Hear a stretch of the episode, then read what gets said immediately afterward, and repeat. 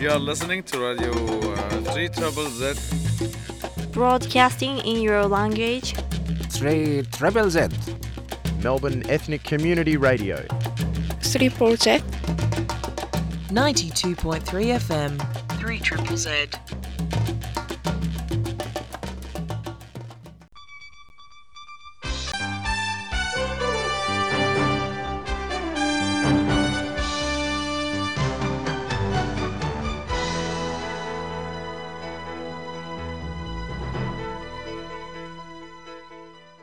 Neues von der jüdischen Welt.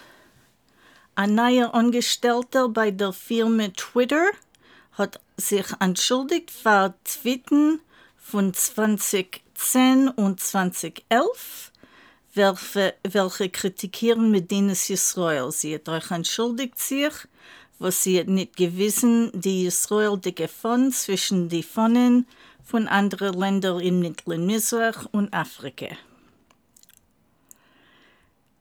Die Amerikaner Meluchefrau Marjorie Taylor Greene hat wieder verglichen Amerikas Abruf zu der Coronavirus-Epidemie mit dem Gruben Europa. Das ist nachdem, wie sie hat besucht das Grubenmuseum, nachdem, wie sie hat das erste Mal verglichen die Epidemie Abruf mit dem Gruben.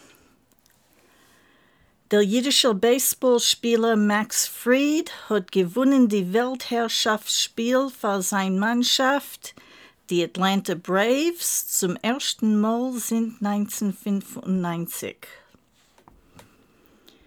Viele jüdische Gruppen in New York haben unterstützt die erfolgreiche Kandidatur von Eric Adams, was wird sein der zweite Afroamerikaner Bürgermeister von der Stadt New York. Adams ist ein Demokrat. Der langjährige Anführer von der jüdischen Kehille in Rumänien, Oral Weinel, ist gestorben im Alter von 89 Jahren. Er ist auch gewesen der einzige jüdische Parlamentarier in Rumänien. Weniger wie 10.000 Jiden wohnen in Rumänien heutzutage.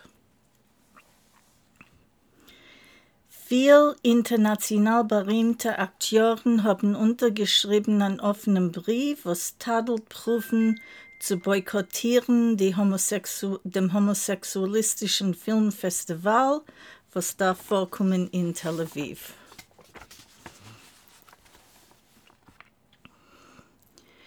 Zwei jüdische Mitarbeiter von der Firma Google spielen eine wichtige Rolle in einer Petition, was ruft Google und Amazon abzuschaffen, einen Kontrakt zu bauen, Informationszentren für die Regierung von Medinas Israel.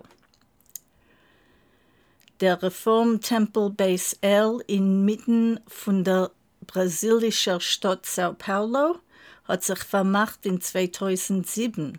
Er wird sich wieder öffnen, dem 5. Dezember, wie der Jüdische Museum von Sao Paulo. Andere 120.000 Jiden wohnen in Brasil, 60.000 wohnen in Sao Paulo, 30.000 in Rio de Janeiro. Eine Firma in Spanien wird schaffen koscheren Wein zum ersten Mal sind die Inquisition mit einem Erich 500 Jahren zurück. Zum ersten Mal bemächtig von 52 Jahren ist vorgekommen eine jüdische Chasne in Bahrain.